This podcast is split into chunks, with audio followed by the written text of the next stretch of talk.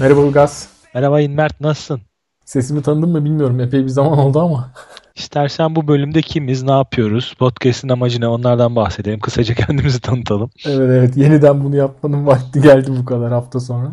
Evet. Birinci yaşımıza giriyormuşuz. Ee, evet yakında birinci yaşımıza gireceğiz. Ee, daha böyle bir 3 haftamız falan var. O birinci yıl dönümümüz için böyle güzel bir sürpriz hazırlamaya çalışıyorum bakalım. Evet mezdeke koyacağız programcı. bir de video koyarız podcast bloguna. ee, bu arada ilk ilk başlarda epey böyle her hafta kaydediyormuşuz. Ondan sonra aralar açılmış. Ee, en uzun aramızı da bu sefer verdik. Ee, aslında ben böyle ufak da olsa bir bahane uydurmaya çalışayım diyeyim en azından. Benden güzel bahanem var ya sermek için. Ne uyduruyorsun ki bahane işte. Yok Programın %50'si. Yani e, şey hayat da böyle bir şekilde e, yuvarlanıp gittiği için arada buna zaman ayırmaya çalışıyoruz. Biliyor, herkes biliyor bu bizim birinci işimiz, birinci görevimiz değil. Ee, bir sürü şeyin arasında bunu halletmeye çalışıyoruz. Bundan keyif alıyoruz ama yine de bazen zaman kalmayabiliyor. Bir de bu son dönemde böyle tatildi vesaireydi çok fazla oldu araya girdi. O yüzden böyle uzun bir ara oldu. Beklettiğimiz insanlardan özür diliyoruz. Evet mesela Sahra'dan haber geldi değil mi? Sahra çölünden bizi bekleyenler varmış. Evet evet bir bölümümüzde konuk ettiğimiz Alper Dal Kılıç Hmm, Dört Çöl'de koşma projesinin e, sonuncusunda şu anda. Sahra Çölü'nde koşuyor. Parkurun ilk etabını bitirdiğinde e, blogunda bir şeyler yazmış. Orada bizden de bahsetmiş. Şöyle demiş. Mert ve Ilgaz bugün maratonun son kilometrelerinde podcastinizin 34. bölümünü dinliyordum. Programınıza konuk olduğumda demiştim hatırlarsınız dinlediğimi. Bitiş çizgisine ulaşmaya çabalarken sesiniz destek oldu bana demiş. Yani ben bunu okuyunca çok mutlu oldum. Ne güzel. Böyle bir şeye de e, vesile oluyorsa podcast. Değil mi? Evet vallahi o psikolojide biz aklına geliyorsak, yardımcı oluyorsak ne güzel. Bunu okuduktan sonra dedim hemen bir tane daha kaydedelim. Fırsatı olursa indirip diğer etaplarda da onu dinlesin. Koş Alper koş az kaldı. Evet dinliyorsa buradan sonuna kadar arkasındayız, destekçisiyiz. Antrenmanlar nasıl gidiyor? Antrenmanlar e, biliyorsun Avrasya'ya hazırlanıyorum. Sen de Avrasya'ya hazırlanıyorsun. Ben biraz nasıl diyeyim hani sen çok böyle iddialı değilsin galiba öyle hatırlıyorum. Hedeflerin ne yaptın e, ne ettin çok bilmiyorum ama 2.18 benim hedefim. E, tamam o çok iyi çok güzel. Bayağı bir iddialıymış. Olacaksa tam PB olsun dedin öyle 5 dakika 10 dakika. sen böyle şey uzun bir şey yarış koşayım e, bir yol maratonu koşayım hızlanmaya çalışayım gibi böyle hani e, çok spesifik olmayan hedefler koymuştum da ben hani yine böyle en iyi derecemi yapmaya gayret edeceğim. O yüzden e, son birkaç haftadır epey e, yoğun antrenmanlar yapıyordum. Yorucu ve e, yıpratıcı antrenmanlar ama artık son birkaç haftaya girdiğimiz için tapering başladı. Biraz rahatladım diyebilirim. Tabii ama tapering'de rahatlamak aslında bence çok zor bir iş ya. Yani psikolojik olarak. Evet, evet kesinlikle. Ben mesela delirmek üzereyim şu anda ya. Çok komik. Anlatayım biraz ruh halimi de gül, gülsün o insanlarda. Ya hem gülsünler hem de belki de yalnız olmadıklarını fark etsinler. ee, yani hakikaten bu kadar okumuş konuşmuş daha önce yaşamış olsak bu kadar rahat olmayacağım ama ikiye bölünmüş durumdayım ya buna rağmen. Yani şimdi bunları gayet sakin böyle anlatıyorum da eskisi kadar uykularım kaçmasa da gene de şey endişesi başlıyor bir süre sonra ya hakikaten iki hafta kala bu kadar az koşuyorum nasıl olacak olacak mı ya son koşuda hedef tempomdan düşük koşmuşum acaba ben 32'yi bu kadar yavaş koşarken 42'yi daha hızlı nasıl koşacağım İşte ay bugün niye benim bacağım ağrıyor? İşte sabah sabah 8 kilometre koştum. Yoruldum. Ayaklarımı sürüye sürüye döndüm falan filan. Böyle soğukluklar, moğukluklar. Yani bilmesem olayın aslında perde arkasında daha önceki şeyleri hakikaten bayağı depresyona Girer insan yani. Ki aslında biraz da şey var. Mesela Daily Mail'de okuyorum. İnsanlarda da benzer endişeler var. Çok hak veriyorum, anlıyorum da. Aslında şöyle bir şey var. Ee, bunlar yani bu saydığın şeyler o kadar böyle fix böyle tapering dönemi e, sıkıntıları ki yani mutlaka herkes yaşıyordur. Şu ilginç. 6. E, 7. maratonda bile hala bunları hissediyor olmak insan kendini sakinleştiriyor ya bunlar tapering döneminde hissedeceğim şeyler normaldir diye sakinleştiriyor ama dediğin gibi kendini böyle şeyler düşünüyorken bulmak bile ilginç. Ben evet. bu konuda bir e, yazı yazmıştım epey eskiden. Geçen senenin başlarıydı galiba. Orada böyle dört tane maddeden bahsetmişim. Mesela işte özellikle taper'ın ilk haftasında güçlü ve aşırı fit hissetme durumu. Buna bağlı olarak da yarışma veya hız denemeleri yapma isteği. Birinci madde. Ee, ben mesela geçen hafta bir 5K denemesi yaptım. Aferin. Sonra işte ikinci başlık şey aniden beliren daha fazla kilometre koşma veya hız çalışmaları yapma gerektiği düşüncesi. Sen de mesela az önce bundan bahsettin. Az mı koşuyorum falan diye. Evet. Üçüncü madde belirlediğiniz hedefi tutturamayacağınıza olan inancın belirmesi. Bu o baştan beri var zaten yeni beliren bir şey değil. bu konuda sürekli endişe hissetmek. Böyle ben bazen sabah uyanıp şey diyorum. Ya bu sefer olmayacak mı acaba ya? Parkur nasıldı kötü müydü falan diye. E, dördüncüsü de orada burada yeni yeni beliren ağrılar, sızılar. sakatlanıyor muyum endişesi. Bu ağrı yarışta beni yavaşlatır mı gibi sorgulamalar. Sen az önce konuşurken düşündüm de bu dört maddeden de bahsettin yani.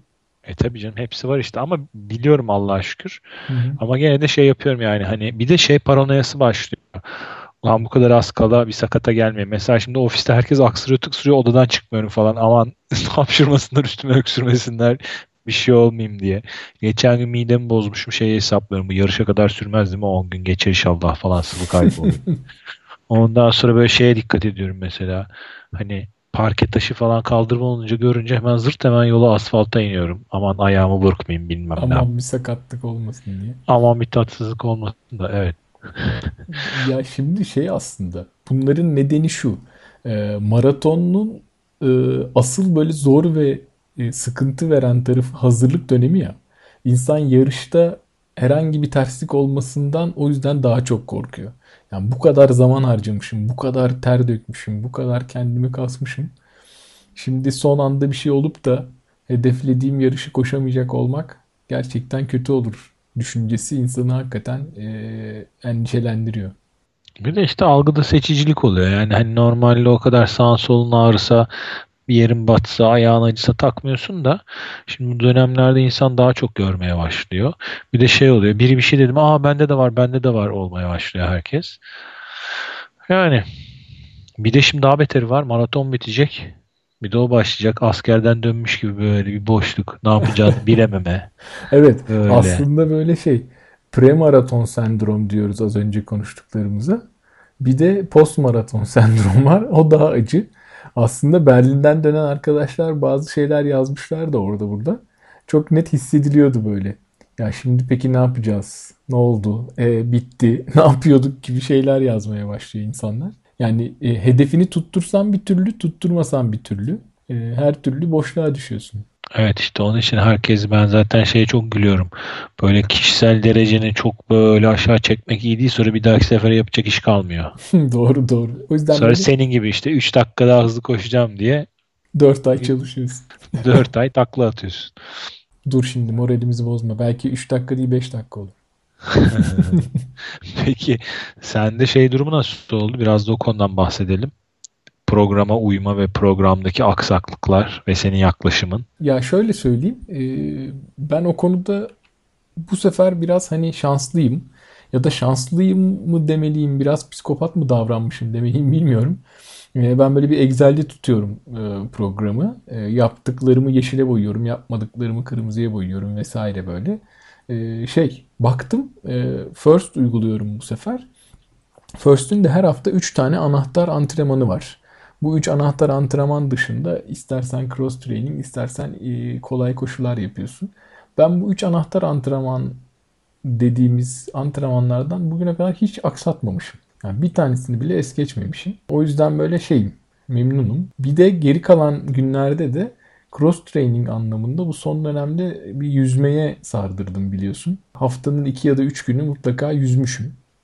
Ee, bazı haftalar bir bazı haftalar iki gün böyle core training yapmışım. İşte karın, sırt vesaire çalışmışım. Ben o konuda şeyim. E, bu sefer kendime olan güvenim tam. Ama biliyorum ki sende bazı aksaklıklar oldu. Sen ilkokul boyunca da sürekli hanede peki peki yazıyordur değil mi? Arkadaşlarıyla iyi geçinme, araç gereçleri kullanma falan böyle bir sürü gereksiz kutucuk vardı ya peki peki hepsi. Evet hepsine peki yazıyorlardı. benim benim muhtemelen %70-80 civarında tuttu. Ki aslında benimki bir de tembelceydi. Ben ne kadar kaç hafta kala 8 e hafta kala kısaydı, falan. Kısaydı evet. 10 haftadan 7, azdı hatırlıyorum. 7-8 hafta kala başladım. Hı hı. Ki yani o kadar sürede bence kötü bir ortalama ama belki işte biraz şeyden bahsetmek lazım. Ee, yani senin gibi şeyleri saymazsak, arkadaşları saymazsak ben çevremde çok fazla da hani %80 üzerinde böyle 90 %100 uyabilen çok adam tanımıyorum. Yani benim tanıdığım adamlar genelde hep bizim formatta çalışan işte aile babası, aile hayatı olan veya ne bileyim bir şekilde seyahat eden veya bir şekilde sermeye meyilli adamlar olduğu için genelde hep az yüzde duyuyorum ben. Ama bir şekilde de bitiyor ya. Yani evet. çok da dert olmuyor. Ya şöyle e, benim e, bu sefer çok iyi uyum, uymuş olmamın en büyük nedeni yaz yaz dönemine denk gelmesi. E, ben böyle hani kışın biraz daha e, atlamalar oluyor benim programda ama ee, yazın çok sabah koştuğum için hava erken aydınlanıyor. Havalar çok güzel oluyor. Sıkıntısızca antrenman programı devam ettiriyorum. Ama benim de e, antrenman programına ara verdiğim, hani atladığım sakatlık nedeniyle veya hastalık nedeniyle bir iki hafta gibi dönemler ara verdiğim zamanlar olmuştu. Hatta o konuda da ben bloga bir şeyler yazmıştım. Advanced Marathon'un kitabında bu konuda e, güzel bir tablo vardı. Ha şu kadar atlarsan ne olur, bu kadar atlarsan evet, ne olur? Evet. Yani kaçırdığın gün sayısı ondan azsa, 10 ile 20 arasındaysa veya 20'den fazlaysa gibi. Ee, işte ondan azsa ve yarışa 8 haftadan daha uzun süre varsa umursama programa devam et. 10 ile 20 arasındaysa ama yarışa 8 haftadan az kaldıysa hedefini revize et filan gibi böyle güzel bir tablo var. Ben hani o tablonun e, linkini de koyarım podcast'in bloguna. Orada bence hani şey e, çok böyle kafan takıldığında buna bakmakta fayda var. Aslında kimse bu kadar çok aksatmıyordur programını bilerek veya başka e, göz göre göre. Daha çok bunlar sakatlıktan veya hastalıktan dolayı oluyor. Senin bahsettiğin böyle ufak ufak aksaklıklarsa hiç önemli değil bence. Herhangi bir koşuyu veya bir haftalık ım, antrenmanı kaçırmanın bence hiçbir şey etkisi olmaz. Ya ben bu uzun mesafe yarışlarına hazırlanmaya başladıktan sonra gördüm ki kendi adıma konuşuyorum tabii benim için antrenman temposu içinde en önemli şey uyku. Ondan sonra beslenme, ondan sonra fiziksel antrenman. Çünkü bu birinci ve ikinci madde olmadan fiziksel antrenmanın bir yararı getirisi bir şey olmuyor ya bende. Yani ve daha sonraya daha beter yansımaya başlıyor. Yani ben çoğu zaman şunu yaptım yani tabii tembelliğe kaçmamak lazım orada da e, benim daha önceki dönemlerde de hani sabah kalktığım zaman veya akşam geç yatıyorsam sabah kalktığımda kendimi yorgun hissediyorsam o gün koşuya çıkmadığım çok oldu. Hmm. Çünkü hep şey dedim yani bu uykusuzlukla bu yorgunlukla çıkıp kendimi paralamak yerine yani o andaki uyku toplama etkisi daha etkili oluyor. Ama tabii bunun işte biraz da sınırını çizmek lazım. Çünkü benim gibi hele böyle tembelliğe meyilli bir adamsan çok kolay bu iş fazlalaşmaya başlıyor. Bir şekilde uykuyu da ama disipline etmeye çalışıyorsun. Uyku saatini ayarlamaya çalışıyorsun. Mesela 9.30'da yatan tatsız bir adam oluyorsun ondan sonra. bir de şeyi konuşmuştuk seninle. Böyle böyle yapmadın mı? 2 saat sonraya bırakayım, akşama bırakayım filan dedim mi? Genelde böyle bir e, ucu kaçıyor işin galiba. Abi evet kesinlikle yani böyle hani özdeyiş uydurmuş gibi olmayalım ama koşabildiğin an koşacaksın. Hani dayak buldun, kaç yemek buldun ye var ya onun gibi. Zaman Fırsat buldun koş. koş. Valla yani ben de öyle bir şekilde yani iki opsiyon varsa ben ne zaman ikinci opsiyonu bıraktımsa her seferinde o iş aksadı ve hiçbir zaman koşamadım ya. Evet. Çok komik. Onun için ben onu prensip olarak hep şey yani seçenekler fazla mı var ya da başka bir ihtimal mi var? Kesinlikle ilk ihtimalin üstüne gitmek etmeye çalışıyorum yoksa o iş yalan oluyor bende. Yani Olmuyor şunu yani. kastediyorsun değil mi? Mesela sabah koşma ihtimalin var. Uyanmışsın saat 6.30. Evet. Veya diyorsun ki ya şimdi koşmasam akşam saat 5'te bir, bir saatlik bir zamanım daha var. O zaman koşsam. İşte hayatta da olmadı o ikinci koşu bende. Evet. Ben de hani belki daha önce podcastlerin bazı bölümlerinde konuşmuş olabiliriz. Tekrar olacak ama e, ilk yeni dinleyen ya da sadece bu bölümü dinleyenler için söylemiş olayım. Ben de hep şöyle düşünüyorum. Bugüne kadar hani koşsam mı koşmasam mı ikileminde ya da antrenmana çıksam mı çıkmasam mı ikileminde kaldığımda e, bu ikilemde kalıp çıkıp koştuğumda hiçbir zaman pişman olmadım. Aynen. Ama ikilemde kalıp koşmadığımda muhakkak pişman oldum. Dolayısıyla şey hani istatistiksel olarak bu ikilemde kaldığımda hemen açıp istatistik tablosuna bakıyorum. Ve şey e, çıkıp koşuyorum yani. E, Ve döndüğümde de ya iyi ki çıkmışım diyorum. Bazen çünkü şey oluyor böyle hava karanlık bulutluysa yataktan çıkmak istemiyor insan. Hani dediğin gibi biraz da böyle az uyuduysa veya önceki gün biraz yorucu olduysa. Ama tabii bunun da e, istisnaları var. Biliyorsun çünkü e, şöyle de bir şey konuşuruz her zaman. Biz mi bulduk bu lafı başkaları mı söyledi hatırlamıyorum ama antrenman yapmamaya karar vermek yapmaya karar vermekten daha zor. Bir nedenle yorgunum, uykusuzum ya da bu antrenmanı yapmaya çok isteksizim durumunda yani yapmamaya karar vermek hakikaten zor oluyor. Çünkü yani bir süre sonra insan yapmaya e, aşinalık kazandığından bunu kolaylıkla halledebiliyor. Ama hani yapmaman gerektiğinin farkına varmak zor. Asıl bunu söylemeye çalışıyorum. Bir de yani o işte sistemi aslında benim zaten hatırlarsın belki bu düzene girmeye çalışmamdaki en büyük şey oydu. Bir şekilde ama yani tabii ki maratonda koşmak ama hani o ataleti kırmak sabah erken kalkma yani onu düzen haline getirebilmek tekrar o oldu bende aslında benim birinci hedefim oydu onu başardım ben çok mutluyum o anlamda. E, çünkü o bir koptu mu bende ondan sonra çok gidiyor ya öyle benim çok yattığım oldu bir ay boyunca iki ay boyunca. Yani bir şekilde onu kırmak adına zaten bu programa başladım. Çünkü hep yere atıp tutuyordum ya hedefsizlik hedefi. Hı-hı. İşte ben kendim için koşmak istiyorum, yarışa girmek istemiyorum falan filan diye de çok zor oluyor ya. Yani onun motivasyonunu ben beceremedim en azından itiraf edeyim. Ama bu, bu arada bir de yol koşusuna dönüştün. Ee, geçer diye umuyoruz. evet. Ee, çok komik ya. O düzen oturdu diyorum ya.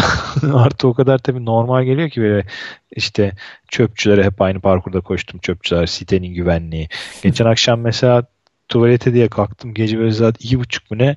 Karım uyanmış şey diyor. Koşuya mı gidiyorsun? İlk koşular diyor. Hayır tuvalete gidiyorum zaten iki buçuk dedim. Çünkü hep sabahın köründe böyle karanlıkta çıktığım için. Ee, Ama ben de mesela ona alıştım şimdi ya. Yani hava aydınlanmaya başlayınca huzursuz oluyorum. Böyle istiyorum ki daha hayat gün dünya başlamadan çıkayım şu koşu işi bitsin. Vampir kimliği sona ersin. Ondan sonra normal vatandaşlık başlasın. Ben de ona değinecektim aslında şey bu saatler değişti vesaire günler kısaldı ben de senin tam tersine böyle havanın aydınlanmasını tercih ediyorum antrenmana çıkmak için ee, sonra günler epey kısaldı kısaldı kısaldı artık böyle sabah ne kadar geç kalkarsam kalkayım böyle karanlık olmaya başladı ama işte 29 Ekim itibariyle e, tekrar böyle bir, bir saat kazandım ama senin için de kötü olmuş tabii. Sen kaçta başlıyorsun mesela? Kaçta kalkıp kaçta çıkıyorsun koşmaya? Yani şöyle yazın e, yani sıcak olduğu zamanlarda e, sabah böyle 5.45 6 gibi kalkıp çıkıyordum ama hani son böyle bir aydır e, 7'lere doğru sarktı mesele saat 7'yi 5 geçe 10 geçe çıkıp koştuğum bile oldu. Ne yaptın? 7-10 geçe çocuğun servisi geliyor ya. ya benim benim e, iş yerim eve çok yakın olduğu için ben böyle rahatlıkla o saatte çıkıp koşuyu yapıp dönüp duşu kahvaltıyı aradan çıkarttıktan sonra bile 9 mesaisine rahatlıkla yetişebiliyorum. Nefis. Peki başka bir şey danışayım sana. Sen mesela şu durumda ne yapıyorsun? Şimdi haftalık atıyorum programda 4 veya 5 tane koşun var. Bunlar da birbirinden farklı karakterde koşular. İşte iki tanesi hafif ne bileyim biri interval, işte biri belki tempo durumuna göre hafta sonunda uzun. Şimdi bunlardan biri aksadığı zaman sen nasıl devam ediyorsun? Diyelim ki Perşembe günkü koşu koptu olmadı ya da cumartesi günkü koşu uzun koşu koptu. Ne yapıyorsun böyle bir durumda? Hmm. Programı mı kaydırıyorsun? Aynen bütün şablonu o kadar gün ileri mi atıyorsun yoksa o güne es geçip normal devam mı ediyorsun? Ben, benim tercihim ikincisi oluyor. O gün yapamadıysam hani bu programda olmadı ama daha önce bunu yaşadım biliyorum anlattığın durumu. Şimdi bir rutine oturduğu zaman kaydırmak bir kere benim için çok zor. Çünkü uzun koşunun hafta sonunda gelmesi benim için önemli. Yani sen çok erken çıkıp bazen böyle 3-4 saatlik koşular yapabiliyorsun. Bir de hani mesai gibi çok fazla hani çok sıkışık bir durumun olmadığı için benim için mesela uzun koşunun hafta sonu olması şart. Onu bir yere kilitlediğin zaman zaten kaydırmak çok zor oluyor. Evet. Ee, dolayısıyla ben hani o antrenmanda yapmam gereken şeyi yapamadıysam şöyle yapıyorum. Diyelim hani salı e, interval perşembe tempo koşuyorum. Hafta sonunda uzun koşuyorum. E, salı günü intervali kaçırdıysam perşembe günü e, ya intervali yapıyorum tempodan vazgeçiyorum ya da tempoyu yapıp interval geçti artık diyorum. Onun dışında bir değişiklik yapmıyorum hiçbir zaman. Yani uzunu aslında temel alıp uzuna göre evet. hareket evet. şeyini ayarlıyorsun. Çünkü evet. şey hani uzundan önce yaptığın veya sonra yaptığın şey önemli oluyor ya. Bazen evet. şöyle olabiliyor hani salı, perşembe, cumartesi yapıyorsan işte çarşamba, cuma, pazara kaydırmak gibi böyle seçenekler olabiliyor. E, ama First'te tabii bu mümkün. Daha böyle yoğun çalışan arkadaşlar var. Yoğun antrenman yapan. Hani haftada 80, 90, 100 kilometre koşan. Onlar için çok kolay değil tabii bu kaydırmalar. Evet yani ben de aynı şekilde uzun koşuyor genelde takıntı haline getirip gerisini çok fazla o kadar kafaya takmamayı öğrendim. Yoksa çok şey oluyor. Stresli oluyor. Evet evet yani e, şimdi uzun mesafe yarışına hazırlanıyoruz. En önemli şey e, uzun koşu bizim için.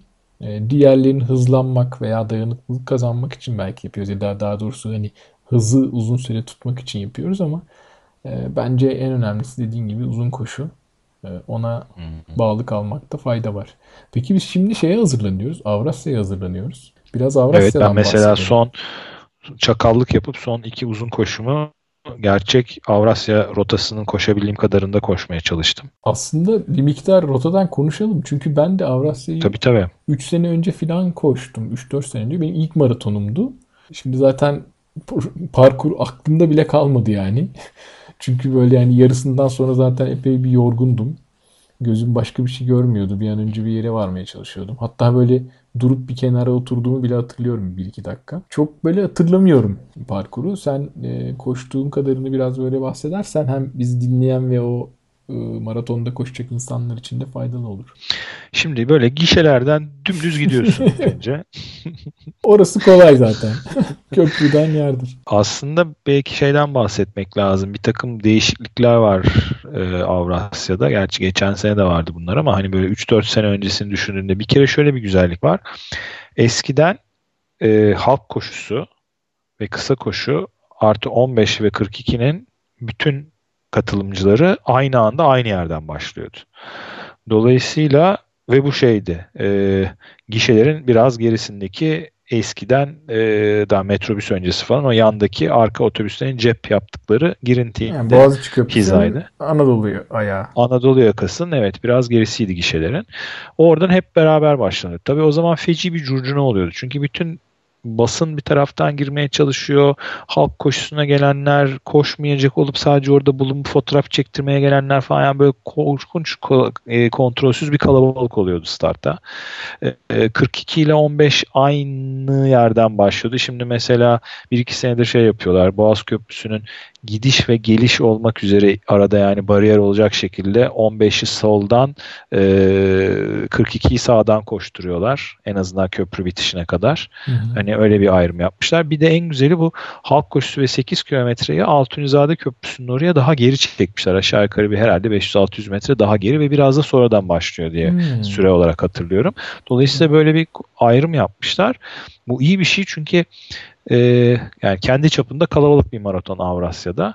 Daha doğrusu hani Avrupa'daki büyük maratonlar kadar kalabalık olmasa bile ne yazık ki Türk halkı olarak kalabalığı maksimize ettiğimiz için hani nasıl diyeyim düzensizlik yaratma adına bayağı bir itiş kakış üst üste çıkma oluyor. Her sene şeyler oluyor. Arkadaşlar daha yarış başlamadı geri gidin çizgiyi geçmeyin halıya basmayın hmm. çipler ötmesin falan gibi anonslar oluyor. Bayağı yani böyle bir şey oluyor. Ee, kontrolsüz bir kalabalık oluyor başta. En azından onun biraz daha kontrolünü ele almak adına böyle bir ayrım yapıyorlar. O iyi bir haber. Hı hı. Ee, bir de koşarken de iyi bir şey. Abi sonuçta böyle yani fotoğraf çekenlerin arasından işte uzun eşek oynayanların önünden falan koşuyordun köprünün üstünde.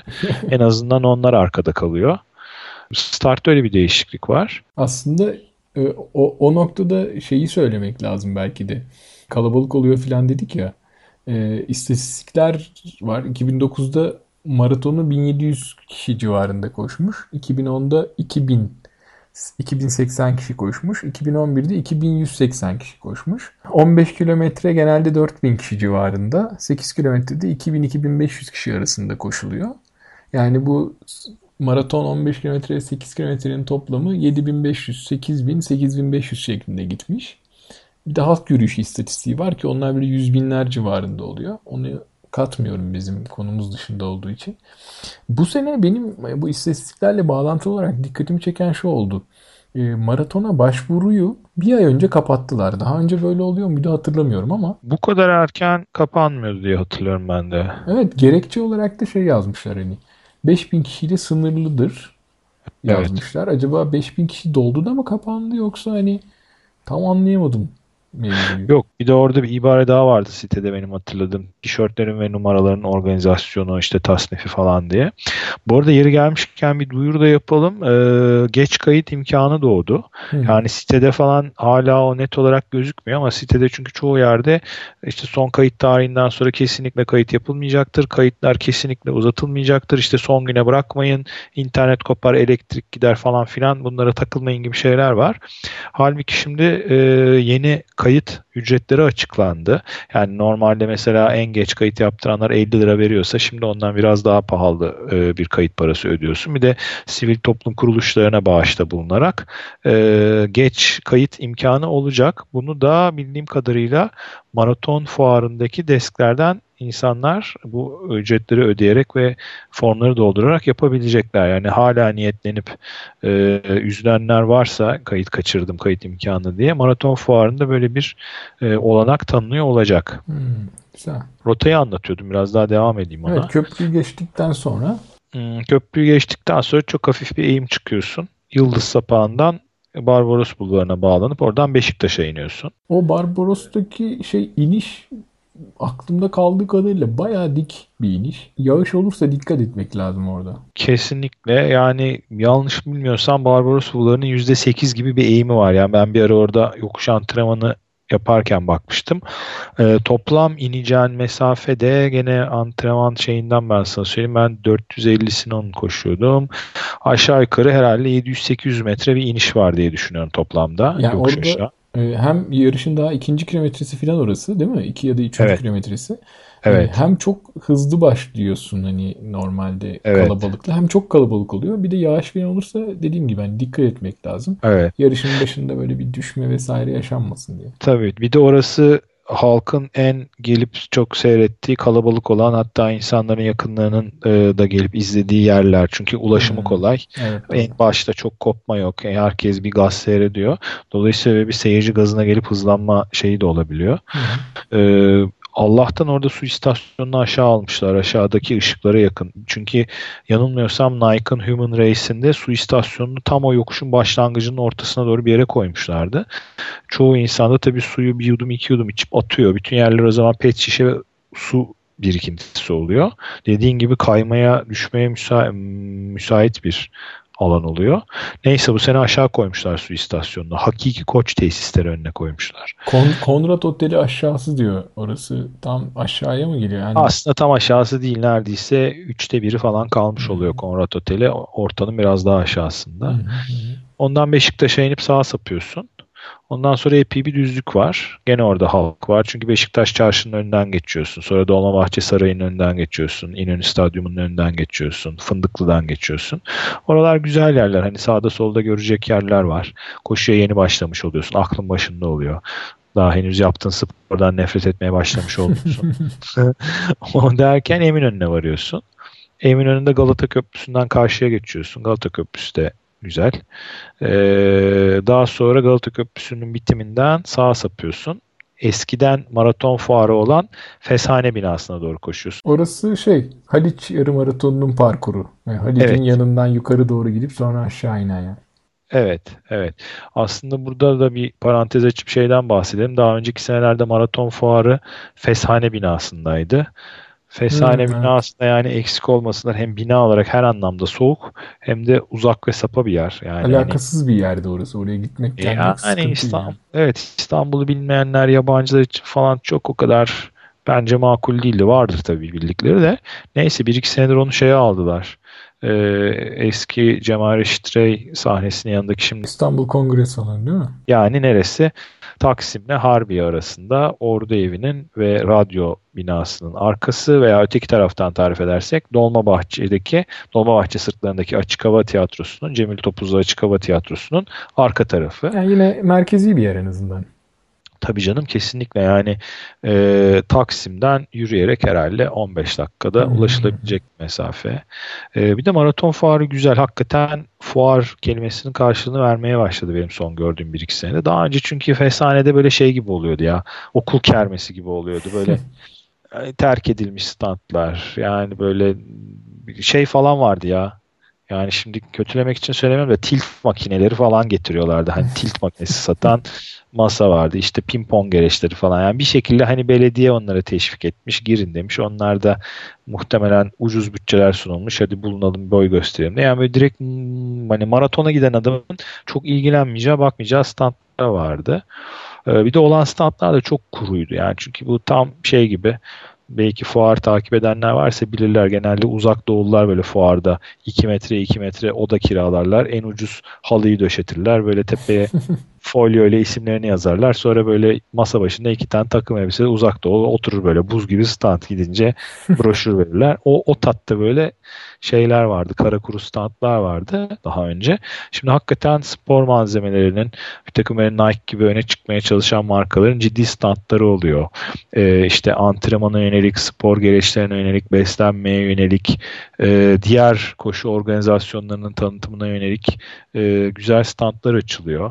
Daha canlı oluyor. İnsanlar daha çok vakit geçiriyor. İnsanlar birbirini görüyor. Yani böyle bir sosyal ortam oluyor. Bir de kongre merkezinin içi hakikaten bence Fesane'ye göre daha ferah ve modern bir mimariye sahip. Dolayısıyla biraz daha uzun süre kalabiliyorsun. Yani ben Fesane'de ne vakit geçireni gördüm şimdiye kadar ne de vakit geçirdim açıkçası. Yani gidip alıp e, dönüyorduk yani. Yani evet. Mak çılgın makarna partisine katılıp Ondan sonra e, fuarda da böyle bir değişiklik var. Hani yeri gelmişken onu söyleyelim. Evet, o Fesaniye kadar çıkıyorsun e, Haliç'ten parkurda. Oradan geri dönüyorsun. Çıkıyorsun dediğin düz gidiyorsun. Orada hiçbir eğim yok. Ha, çıkıyorsun evet. evet. şey, yanlışlık olmasın doğru korkutucu olmasın. Evet Haliç'te tamamen deniz seviyesinde koşuyorsun.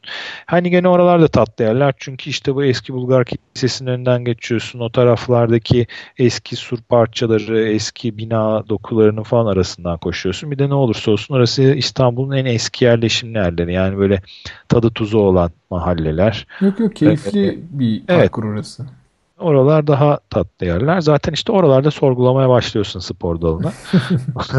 Ondan sonra tekrar hmm, geri geliyorsun. Bu arada şey söyleyelim. 15 kilometreciler oradan yarı yoldan yani Kadir Has Üniversitesi'nin oralardan U dönüşü yapıp geri dönüyorlar Gülhane Parkı'na doğru. Hmm.